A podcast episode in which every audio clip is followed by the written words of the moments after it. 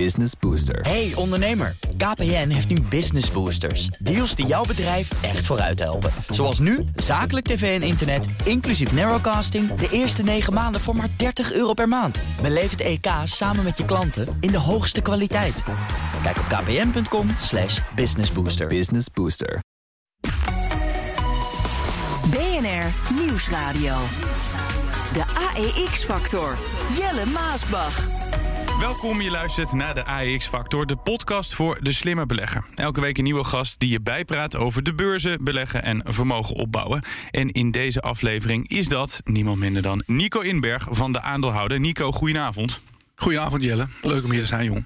Mooi, om het te hebben over de Nederlandse banken, ABN AMRO, de Rabobank en ING. Want allemaal hebben ze de resultaten bekendgemaakt en een eh, voorspelling over dit jaar gedaan. Dus we kunnen de balans opmaken. Hoe staan de banken ervoor in ons land? En is het nog wel een uh, goede belegging?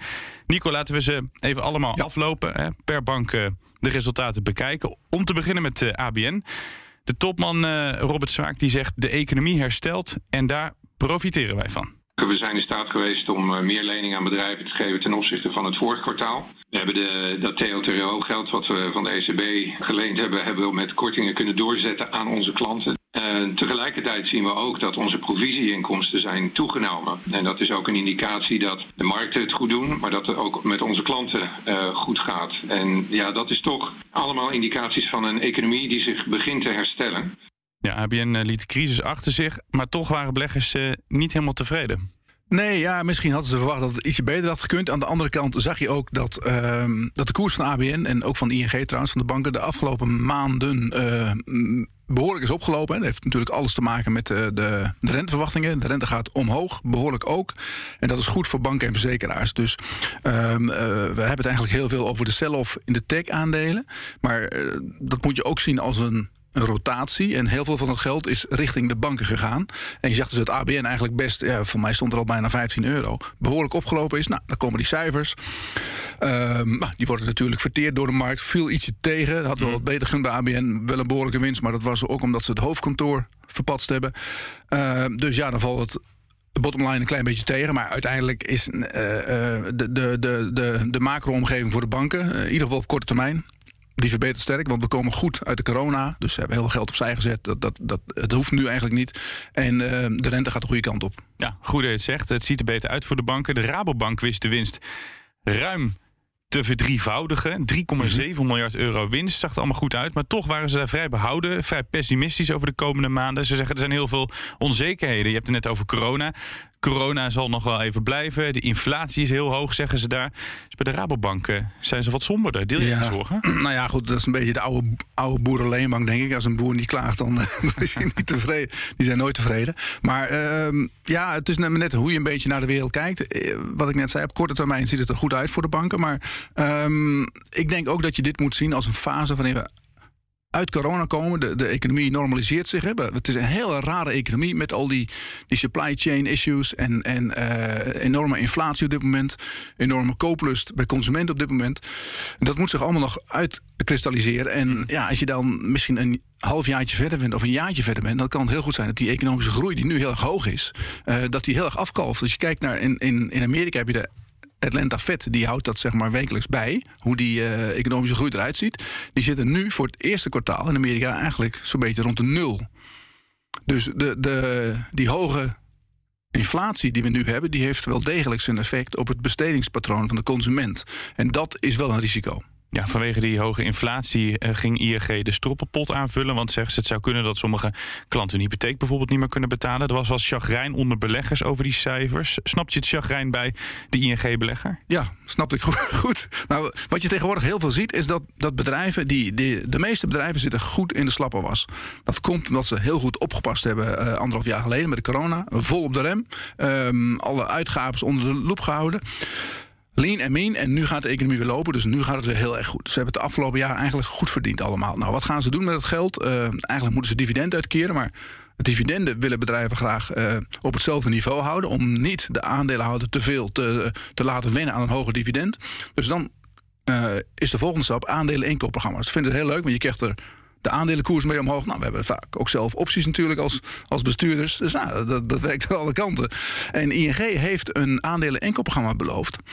Um, maar dat hebben ze nog niet aangekondigd. Dus de, de, de verwachting was een beetje van... nou, ING begint ook met de aandelen. ABN heeft het wel uh, aangekondigd en die gaan het wel doen. En ING komt er ook nog mee. Ze moesten daarvoor toestemming hebben van de ECB. En uh, uh, dat, dat, ik had ook verwacht dat dat uh, ja, zou worden aangekondigd, maar dat, dat deden ze niet. Nee. En zometeen meer. We beginnen eerst met een greep uit het belangrijkste beursnieuws van de afgelopen week. Unilever belooft voorlopig niet op overnamepad te gaan. Maar geld uitgeven, dat blijven ze wel doen. En niet zo'n beetje ook. Door inkoopprijsstijgingen verwacht het concern zo'n 3,5 miljard euro meer kwijt te zijn. Vooral de eerste helft van het jaar. En dat zal leiden tot hogere prijzen voor de consument. Het was de week waarin het kabinet het coronabeleid voor de lange termijn uit de doeken deed. Het openhouden van de samenleving wordt daarbij het belangrijkste uitgangspunt. Kuipers zegt dus: de economie wordt een hoofddoel. De economie gaande houden wordt dus een hoofddoel. Nou, toch heel belangrijk voor veel ondernemers. Zeker. Spotify kreeg het aan de stok met oude zangers en zangeressen vanwege een podcast. Maar de streamingsdienst is ook geïnteresseerd in sport, bleek deze week. Terwijl de toko in de fik staat, zou je kunnen zeggen, betaalt Spotify 280 miljoen euro om drie jaar de sponsor te mogen zijn van FC Barcelona. De beurskoers van Wereldhaven ging flink omhoog na het bekendmaken van de kwartaalcijfers. Topman Matthijs Storm, die aanschoof bij BNR, was blij. Nou, als ik naar de beurskoers kijk, ik zag net een procentje of omhoog, dan, uh, dan krijg ik daar wel een goed gevoel van. Omdat men ziet dat die, die afwaarderingen eindelijk klaar zijn. Uh, dus dat is eigenlijk sectorbreed, denk ik, wel een, een positief signaal. Pieter Thiel gaat Facebook verlaten. Hij was sinds 2005 betrokken bij de onderneming, maar trekt nu de deur dicht.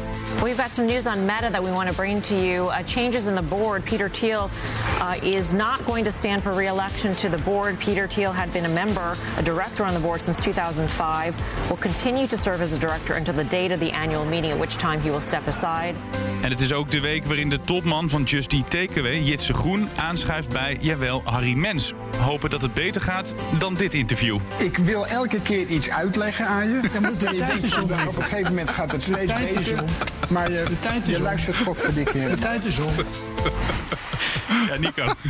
Sorry, ja, ja, dat wat lachen. Ik vind het ook wel lachwekkend. Uh, als je als topman moet aanschuiven bij Harry Mens, hoe gaat het dan met je bedrijf? Nou, dan gaat je koers waarschijnlijk op de maandag erop omhoog. En dat is het korte termijn effect. Maar uh, ja, ik weet niet wat de achterliggende reden is. Nou, die kan je wel ongeveer raden natuurlijk. Jitse is uh, in paniek. Hè.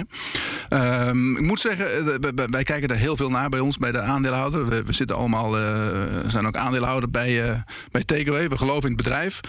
er is heel veel aan de hand. Um, om een voorbeeld te noemen, gisteren zagen we de cijfers van Delivery Hero, of eergisteren was dat, was dat geloof ik. Nou, die gingen hard omlaag. Uh, ja. uh, ik dacht op de, de, dag zelf al 25% en vandaag ook weer 10%. Wat er aan de hand is in deze sector, is dat er de. Dat zeggen, een jaar geleden was er geld genoeg. Er werd heel veel geld geïnvesteerd door uh, Amerikaanse investeerders om marktaandeel te winnen. Nou, nu nu de rente omhoog gaat, wordt dat hele verhaal anders. Iedereen kijkt anders naar geld. Gratis geld is straks afgelopen. En uh, men komt nu een beetje tot de, de conclusie, zie je ook bij veel andere Amerikaanse techbedrijven, dat het nog niet zo makkelijk is om marktaandeel te winnen. Dat het heel veel geld kost. En dat het ook een keer moet ophouden. Dat moet ook een keer uh, verdiend worden. Delivery Hero bijvoorbeeld heeft, uh, nou, even ruw uit mijn hoofd, maar die hebben nog zo'n, ik geloof, 2 miljard aan cash, wat ze allemaal nog hebben. En, maar die verbranden heel veel geld. Die verbranden uh, 1,5, 1,6 miljard per jaar. En die hebben ook nog bedrijven overgenomen. Het Spaanse Glovo, die verbrandt ook 300 miljoen per jaar. Dus die, die zitten uh, over een jaar zitten ze zonder geld. En hun... Hoe ziet het er bij TKW dan uit? Nou, dat, is, dat is precies andersom. Die heeft heel veel geld. Jitse heeft een aantal, uh, denk ik voor mij anderhalf jaar geleden... hebben ze een converteerbare obligatie uitgegeven. Nou, die wordt natuurlijk niet geconverteerd op deze koers. Maar daar heeft hij wel 1,1 miljard van gekregen. En ze hebben een, een, een uh, nou ja, iets minder dan een miljard aan... aan net cash, zeg maar. Maar dus echte liquiditeit waarschijnlijk nog, nog boven een miljard. Dus die kan heel veel doen. En dat is het, het leuke ervan. Hij heeft ook nog iFood. Dat kan verkocht worden. Uh, dat is ook rond de 2,5 miljard waard. Dus, dus ondanks dat die, die koers enorm in elkaar is gedrukt. En ik denk met name ook door de concurrentie. Omdat dat Delivery Hero, ja, het wordt een beetje een ingewikkeld verhaal. Maar uh, Delivery Hero had een, een belang van 7,5% in uh, takeaway. En die hebben sinds 12 januari, dat kan je allemaal opzoeken bij de AFM, hadden ze nog een belang van 1,4 procent. Dus die hebben lopen douwen de afgelopen half jaar. Die en belang verkocht. Ja, en ik denk dat ze dat laatste stukje ook gaan verkopen, want die mensen die moeten geld hebben. En uh, nieuwe aandelen uitgeven, dat gaat niet op deze koers. Nee, terug naar Just Eat Takeaway, die koers is uh, gehalveerd. De jaar tijd, zowat. Ja. Ehm, activistisch, m- meer, eh, meer dan gehalveerd. Activistische aandeelhouder aan boord. Die wil dat eh, Jitse Groen eh, wat gaat doen of anders het veld gaat ruimen. Amerikaanse onderdeel moet verkocht worden. Wat gaat er de komende tijd gebeuren bij Just Eat Takeaway?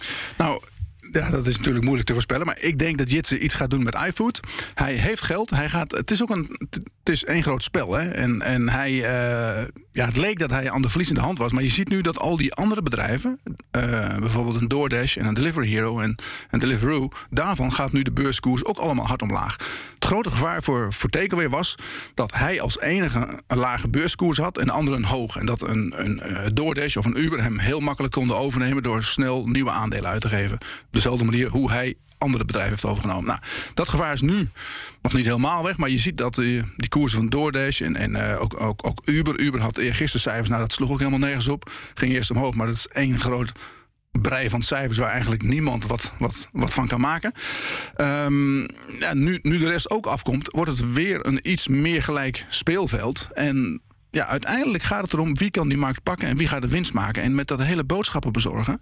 eh, je hebt nu de Gorilla's en de, de, de weet ik veel allemaal. Da- daar wordt nu heel veel in geïnvesteerd. Maar die komen er straks ook achter dat het niet zo gemakkelijk is om geld te verdienen aan het rondbrengen van boodschappen. Flinten dunne marges. Heel kort, ehm, zijn een overname prooi geworden of is dat gevaar dus geweken? Nou, het is nog niet helemaal geweken, want het is nog steeds een lage koers. En de, de, de, met name de Amerikaanse partijen zijn, eh, zijn hoger gewaardeerd. Maar ik denk dat hij eh, enerzijds gaat proberen een goede prijs te krijgen voor iFood. En dat hij anderzijds een partner zoekt voor het Amerikaanse deel. Grubhub, echt een partner met, met eh, diepe zakken. Waarmee ze daar in Amerika dat, dat boodschap rondbrengen uit kunnen rollen.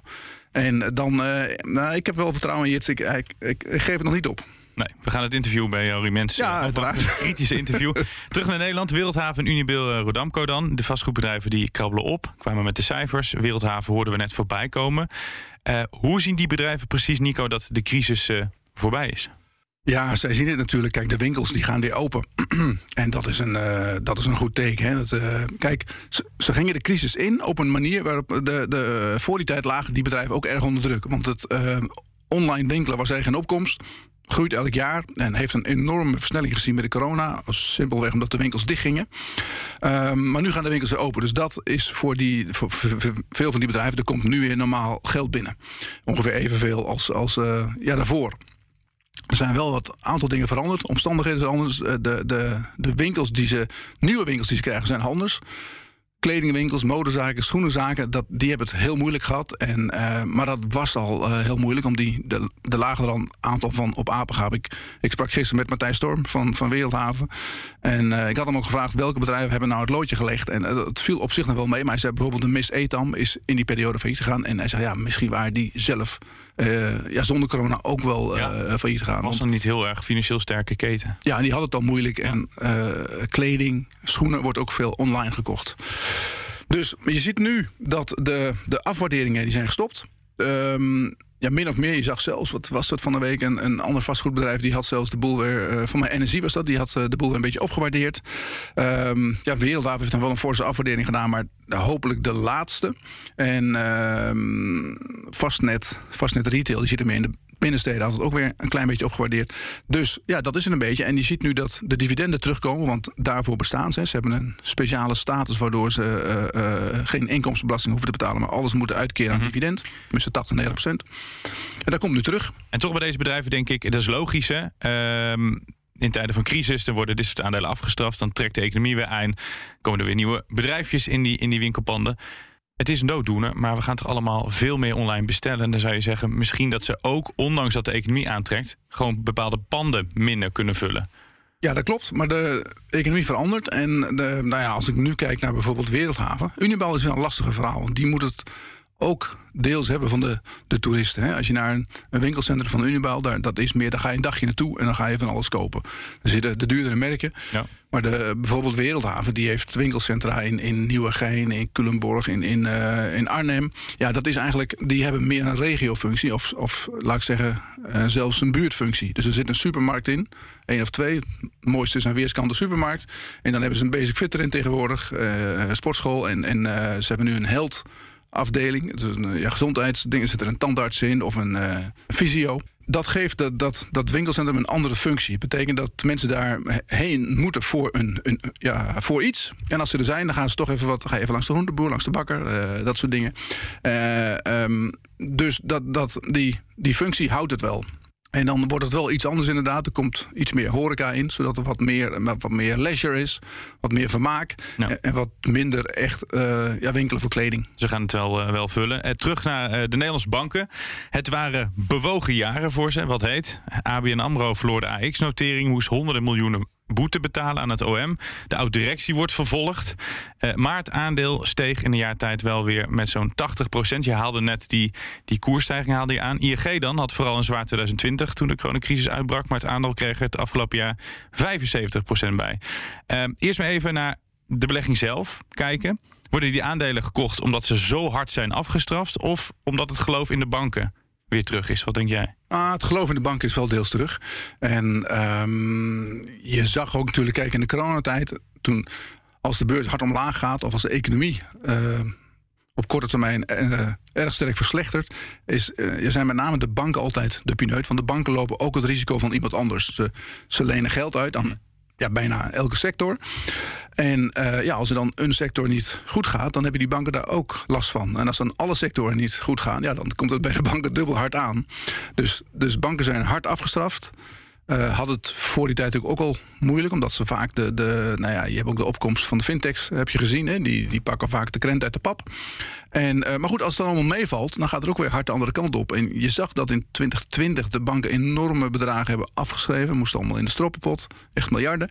En uh, bleek achteraf min of meer onnodig, want we, we zijn nu sterker dan ooit, zeg maar, als, als economie. En nou ja, dat, dat, dan zie je dus ook een hele sterke herstelfase. Nou, toch blijft het verdienmodel van die banken wel zwak. Uh, zijn beleggers dat dan weer vergeten?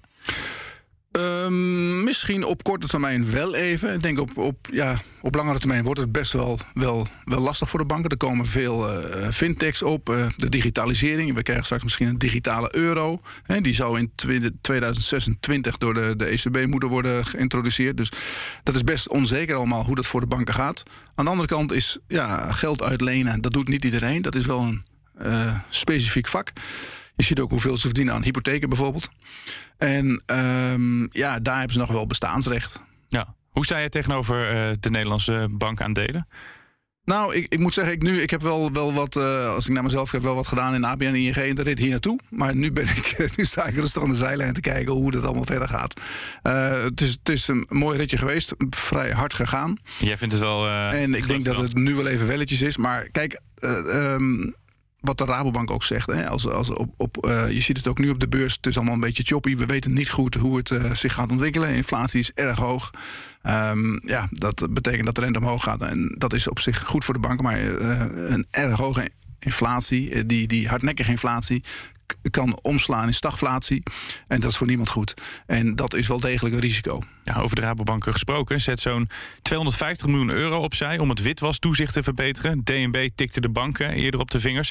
Volgens topman Wiebe Draaien volgt er mogelijk ook nog een boete. Bij de aanwijzing voor vorig jaar heeft de DNB ook aangegeven dat er een punitief traject zal volgen. Maar we weten op dit moment niet welke vorm dat neemt. Dus we hebben daar op dit moment geen zekerheid van. Voor het reserveren gelden hele strikte boekhoudkundige regels die te maken hebben met of je, dat je iets weet en dat je ook kan schatten wat het is. Dat, uh, geen van beide is van toepassing. Dus dat hebben we niet gedaan. Ja, we weten ook nog allemaal die enorme boete die ABN AMRO kreeg. In één keer hadden we het met z'n allen over dat witwas toezicht. Er was onvoldoende zicht op. Is ja, ook wel een ding waar je rekening mee moet houden hè, bij die banken. Ja, ja, zet maar voor 500 miljoen in de boeken bij de Rabo. Want dat zal er wel van komen. Het uh, OM kan natuurlijk, die hebben ook ja, beperkte mankracht. Dus die kunnen niet elke bank tegelijk aanpakken. Ze ja. hebben eerst de ING bij de poot gehad, toen ABN. En nu is de Rabo aan de beurt. En dat, zal, uh, ja, dat wordt nu hard aangewerkt, denk ik. En uh, ik kan me zo voorstellen, ik weet niet, wat was de boete van de ING was van mij 775 miljoen. ABN zat er rond de 500, dacht ik. Ja. En nou ja, Rabo zal er wel tussenin zitten ergens. Ja, je verwacht ook zo'n uh, ja. enorme boete. Nou ja, met, op basis van wat ik hoor... en kijk, Draaier is natuurlijk nog voorzichtig. Hij, hij, eh, normaal gesproken moet je daarvoor een bedrag opzij zetten. Maar dat hoeven ze nu nog niet te doen, omdat ze geen indicatie hebben wat het is. Ja. Dus dan hoeft dat nog niet eh, eh, ja, boekhoudkundig.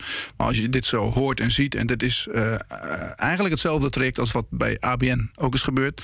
Die begon ook eerst van: we hebben een aanwijzing gekregen en ze kijken ernaar en dit en dat. En toen kwam uiteindelijk kwam het hoge woord er wel uit. Rond diezelfde tijd maakte hij ook bekend dat hij opstapte. Want hij had twee keer vier jaar dan erop zitten. Ik stelde hem de vraag. Heeft eh, hè, dat, dat eh, standje van DNB, dat is nog zwak uitgedrukt, ermee te maken dat u opstapt? Nee, heeft er niks mee te maken, maar kan je er bijna niet los van zien, toch? Nee, ik had verwacht dat hij, dat hij een minister zou worden in het kabinet, eerlijk gezegd. Ja, maar kan iemand minister worden die eh, een enorme boete krijgt? Ja, hij gaat zo meteen weg met een boete. Die boetes, kijk, de- de- ik weet niet of dat die mensen persoonlijk valt aan te rekenen. Of ze dingen echt onder het tapijt hebben geschoven of niet. Het zijn van die, van die zaken, dat gaat zo, zo breed en zo massaal. En je moet je voorstellen, voor die banken is het nu ook... Ja, ze, ze hebben eh, duizenden mensen aangenomen om alle dossiers na te kijken. Om iedereen na te kijken. Die worden zo verschrikkelijk op kosten gejaagd. Dat is niet normaal. Het- dat is dan ook de vraag van, wil je dan wel in zo'n bedrijf investeren die zulke kosten heeft? Wij hebben het eh, in het verleden wel eens gehad eh, met jou over Facebook. Dan keek je naar die cijfers en dat was echt een soort van... alsof je in de snoepwinkel was. Ja, Dan ik heb er geen koboltvis gegeven. Hè? Nee, nee, nee. Toen nog niet.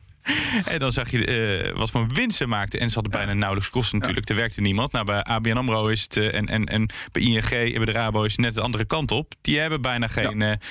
Ja, die hebben zoveel mensen in, in dienst om toezicht te houden. Nou, is veel minder over ook. Nee, die regulering is verschrikkelijk. En eh, ja, misschien moet het hoor, maar ik, ik zie aan de andere kant in de financiële wereld, als je kijkt naar de cryptomarkt en als je, eh, je kan overal om je heen kijken, de, de, de fintechs, die trekken zich nergens wat van aan. Die zijn veel, eh, veel meer asset light en die hoeven al die mensen niet in, in dienst te hebben. Ja, dat is wel een beetje een. eh, de banken zitten wel in een lastig parket wat dat betreft. Ja. En eh, hoe is die eh, verstandhouding met eh, DNB, eh, denk jij? Ja, die zal wel goed zijn. Daar wordt natuurlijk heel nauw samengewerkt. Want dat is, eh, ja, die, die, die liggen allemaal in hetzelfde bed. Alleen DNB moet wel, ehm, moet wel iedereen gelijk behandelen. Dus ik neem aan dat ze, dat bij, bij, dat ze de Rabobank ook gaan onderzoeken. Dat, dat kan niet anders. Ja. En, en nou, ja, je hebt het over het aantal mensen dat ze erop moeten zetten. Er moeten dus ook meer verdiend worden. Je zag ING bijvoorbeeld eh, meer geld vragen voor hun, voor hun rekeningen. ABN AMRO zal ook wel wat meer gaan rekenen. Je moet het toch op de een of andere manier ergens anders vandaan halen. Ja, als het niet uit de lengte komt, dan moet het uit de breedte. En ze verdienen nu nog wel ook een klein beetje aan de leningen die ze doorzetten van de ECB. Die TLTRO heet dat, geloof ik. Dan krijgen ze geld van de ECB. En als ze dat uitlenen, dan, dan, eh, dan krijgen ze daar een eh, korting op. Dus dat, dat levert ook een hoop geld op. Maar dat gaat straks natuurlijk ook weg. Ehm, dus en dan, dan moet de, de hogere, hogere, hogere rente, die moet het dan compenseren. Dus dat als de rente spread hoger wordt, het verschil tussen het inlenen en het uitlenen, dat is hun uiteindelijke eh, ja, basisspel. Dat moet dan de boel wel goed maken. De AEX-factor. Jelle Maasbach. Mocht je dit een eh, leuke podcast vinden, vergeet je dan vooral niet te abonneren. En dan eh, vind je ons volgende week weer in je favoriete podcast-app. En nog steeds bij mij Nico Inberg van De Aandeelhouder. Nico, ehm, ik wilde ook nog even hebben over die eh, ambities. Want als we kijken naar ABN AMRO, dat was de bank. Wereldwijd netwerk. Ja, je lacht. Toen kwam dat consortium, hè, we weten allemaal nog. Ze zijn nu ook bezig om dingen juist af te stoten. Als je kijkt eh, naar ABN, die heeft dat afgestoten. ING is voor een deel eh, uit Frankrijk. De Rabobank trok de stekkers uit een Duitse en Belgische spaarbank. Hebben ze, die Nederlandse banken, nog een beetje genoeg slagkracht? Zijn ze nog voldoende aanwezig over de wereld? Ehm, nee, eigenlijk niet. Dat, dat, ehm, ja, kijk, Nederland is een land. Wij doen internationaal zaken. Eh, en eh, als een bedrijf ergens heen gaat, dan gaat vaak een bank mee. Die zet daar dan een lokaal kantoor op. De banken zitten overal. Dat hebben ze wel. wel de, met name ABN ook. Hè. ABN die zat toen, ook in Brazilië begonnen, in Azië. Die gaan met de bedrijven mee. Ehm, ja, momenteel zie je dat, dat met name ABN heeft het al gedaan. Die heeft zich eh, teruggetrokken uit, uit, uit eh, andere landen. Uit eh, rare dingen. Zakenbank willen ze mee. Onder deze topman allemaal ingezet, hè? ja, ja, ja, hij moet eigenlijk de, de, de boel weer. ja, de bedoeling is dat hij het omdraait en dat ze straks weer gaan groeien. Maar ze zijn nu vooral nog aan het afstoten. Ze hebben een leningenpakket afgestoten, dat is nu weg. Nou, dat is ook, nu makkelijk gegaan, omdat de boel natuurlijk allemaal opliep. Maar de vraag is hoe ABN zich, of ABN zich al, eh, met, met, met als markt alleen Nederland, hoe de bank zich verder kan ontwikkelen. Want de, ja, de rest van de wereld die groeit wel door. De, de grote Europese banken, de grote Amerikaanse banken, die hebben veel meer slagkracht. Nou, de, eh, de Nederlandse banken worden enorm op kosten gejaagd. Dus die kunnen nooit heel veel geld gaan verdienen.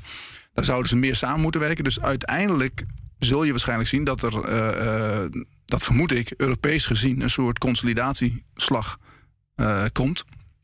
Waar, eh, waarbij onze banken eh, opgaan in een groter Europees iets.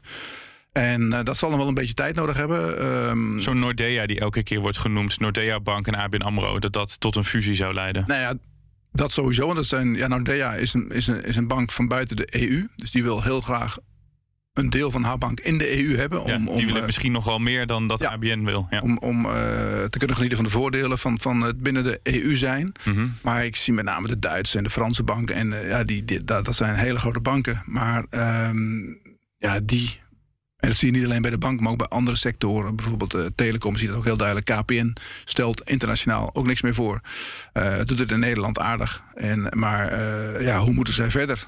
Er is geen, die zijn een beetje tussen tafellaken en servet. En dat geldt ook voor ABN en voor ING.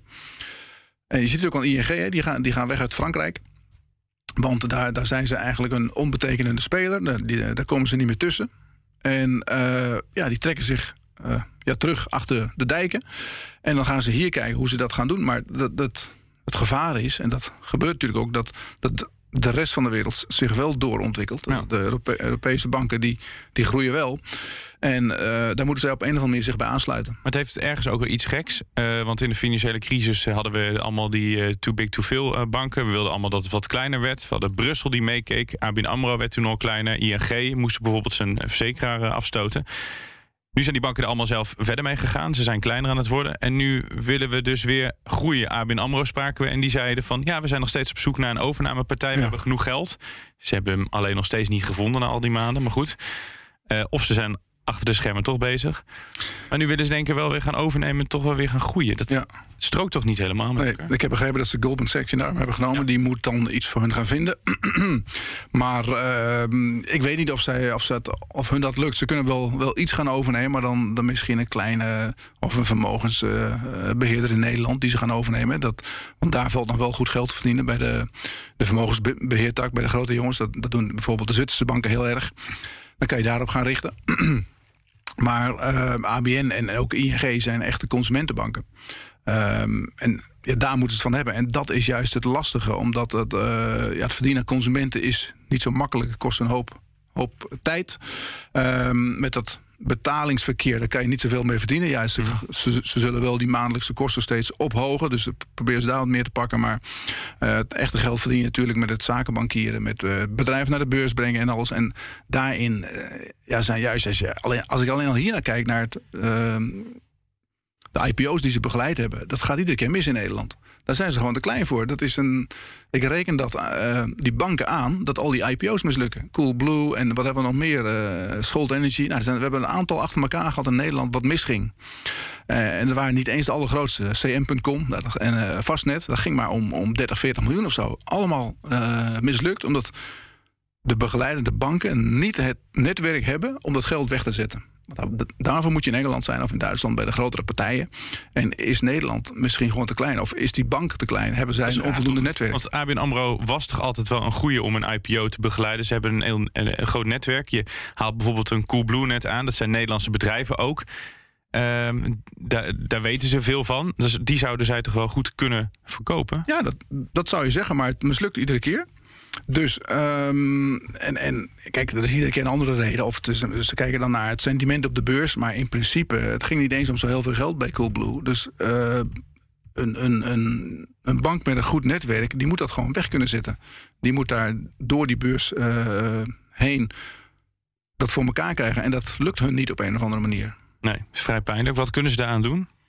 Nou ja, als ik een. Ik, uh, als, je, als je een groot bedrijf bent en je wilt een IPO doen, dan moet je zorgen dat er een Amerikaanse bank bij zit, of een Duitse bank, of een, of een, uh, of een Engelse bank. En niet alleen de, de, de ABN en ING het laten doen. Nee, maar een ABN moet dus optrekken met een buitenlandse partij. Ja. Ja, dat moeten ze zeker. En uh, misschien ligt daar ook wel de weg. Hè, dat bijvoorbeeld Amerikaanse banken dat die, dat die exposure willen in Europa. Of dat die naar Europa willen een Europese bank willen overnemen. Nou ja, dan zijn de Nederlandse banken. Want je, je, kan van alles zeggen van ABN en ING en Rabo. Maar Europees gezien, als je ze vergelijkt met bijvoorbeeld de, de Franse en de Duitse banken. Met name de Duitse. Dan staan onze banken er best goed voor. Die doen het heel goed. Ze zijn op zich redelijk goed winstgevend. Uh, je lopen niet al te veel risico's. Hebben de boel goed op orde. Alleen, uh, ze maken zulke hoge kosten dat uh, echt heel veel geld verdienen. Dat wordt gewoon lastig. Ja, dus kosten zijn ze te klein. Ja, dus de, en dan moet je dus samen gaan of, of een ander bedrijf overnemen.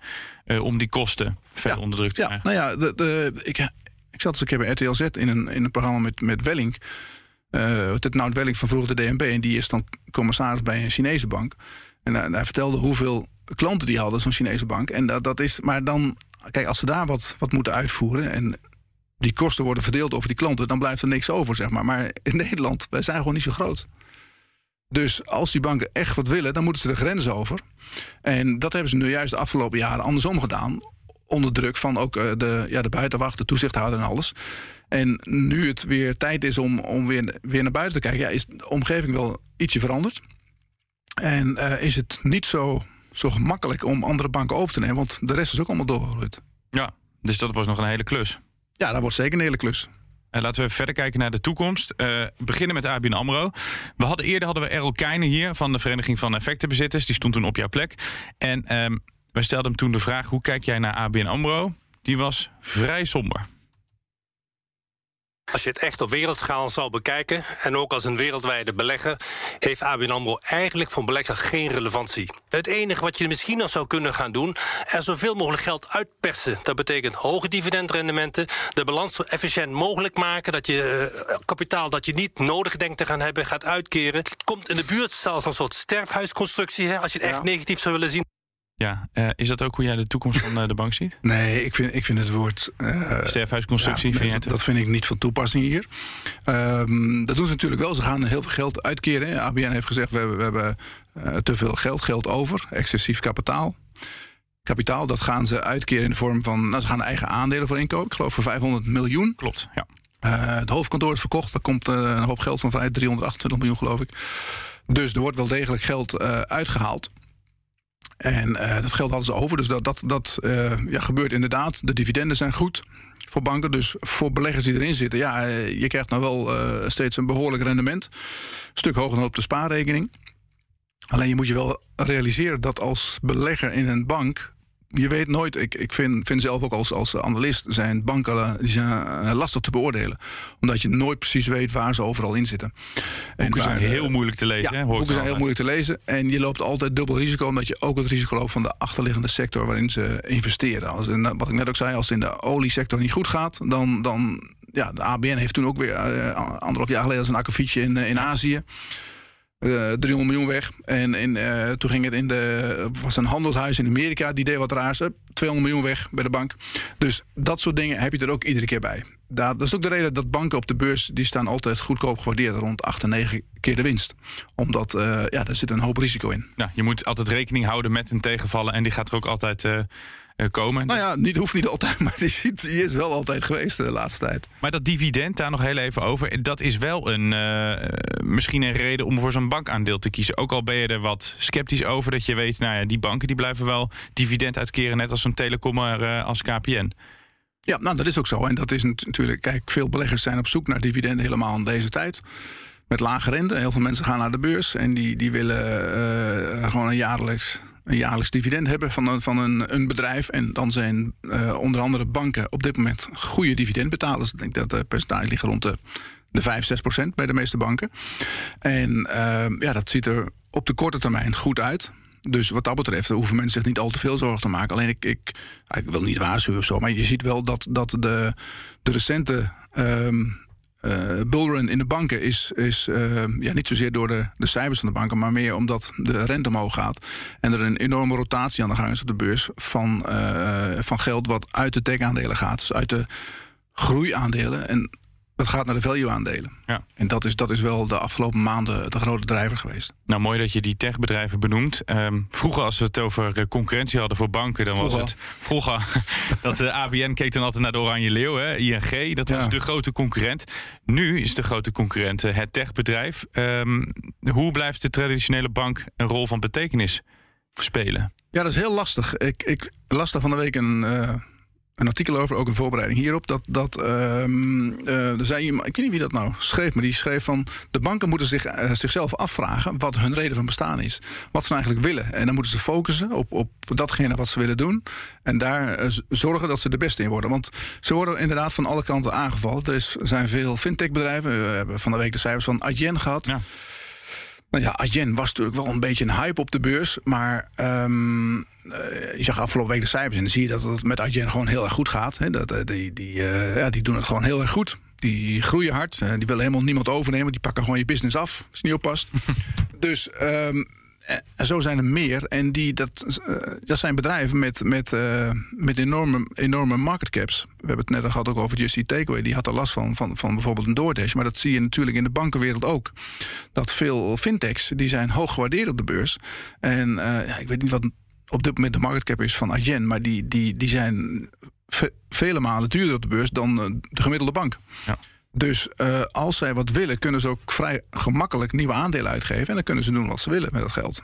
Maar die bedrijven blijven een eh, concurrent voor de banken, neem ik aan. Hè? Nou ja, ze, ze, ze opereren eigenlijk in, in eh, be- bepaalde niches die de banken eigenlijk hadden moeten doen. Dat hele betalingsverkeer, wat, wat, wat de Adjens en de Mollies van deze wereld doen. Ja, ik, ik zit nog steeds mezelf afvragen, waarom hebben de banken dat niet opgepakt? Want het is eigenlijk gewoon het controleren, hè, het uitvoeren van een payment. Even controleren of er geld op de rekening staat, of die kredietwaardig is. En eh, hup, die betaling doen in een fractie van een seconde.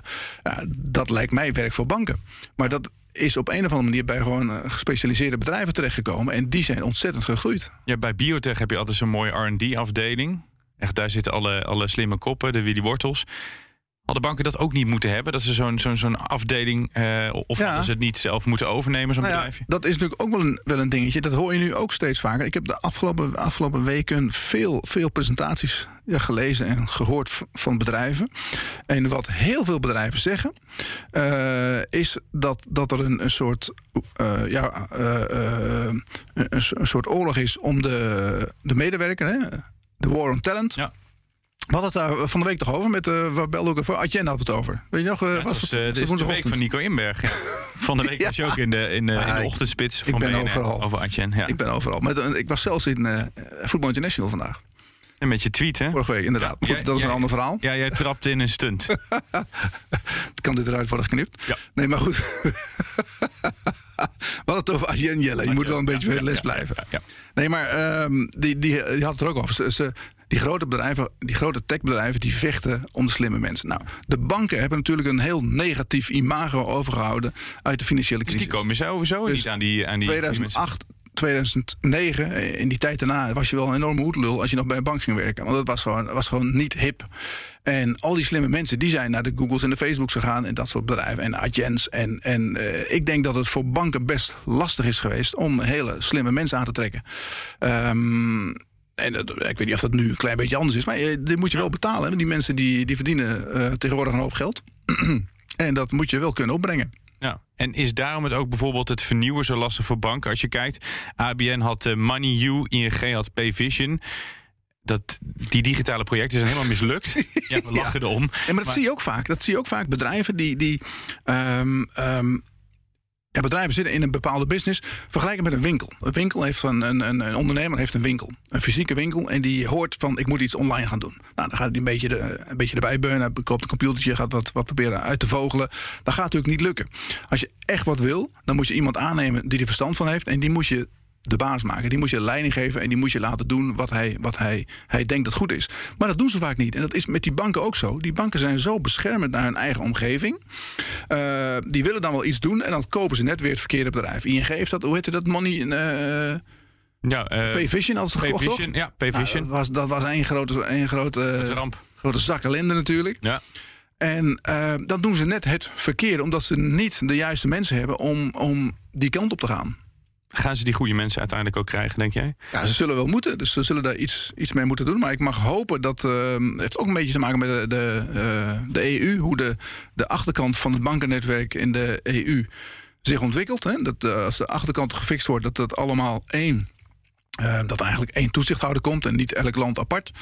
Ehm, dat er dan een soort consolidatieslag op gang komt. En dat die banken groter worden. En dat ze dus makkelijker die kosten kunnen dragen. Ja, en zijn het dan de Nederlandse banken die jager worden in die consolidatieslag of prooi? Wat verwacht jij? Nou, die worden geen jager. dat willen ze misschien wel. Maar dat, je moet gewoon kijken naar market cap. En dan is het simpel zat. Uh, ING kan niet uh, een grote Duitse bank overnemen of een grote Franse bank. Dus dat dan wordt. Maar andersom wel, denk jij dat ze. Nou ja, een BNP Paribas, die worden dan in een fusie. Hè, uh, worden ze de bovenliggende partij. En dan moet, je, dan moet je, als je de grootste bent, dan noem je een overname, noem je een fusie, want dan is de andere partij ook blij. Zoals uh, Albert Heijn met, met Deleuze heeft gedaan. Maar in principe uh, ja, ben je natuurlijk wel de onderliggende partij. Ja, en dat geldt dan ook voor, voor een, een ABN als... Uh...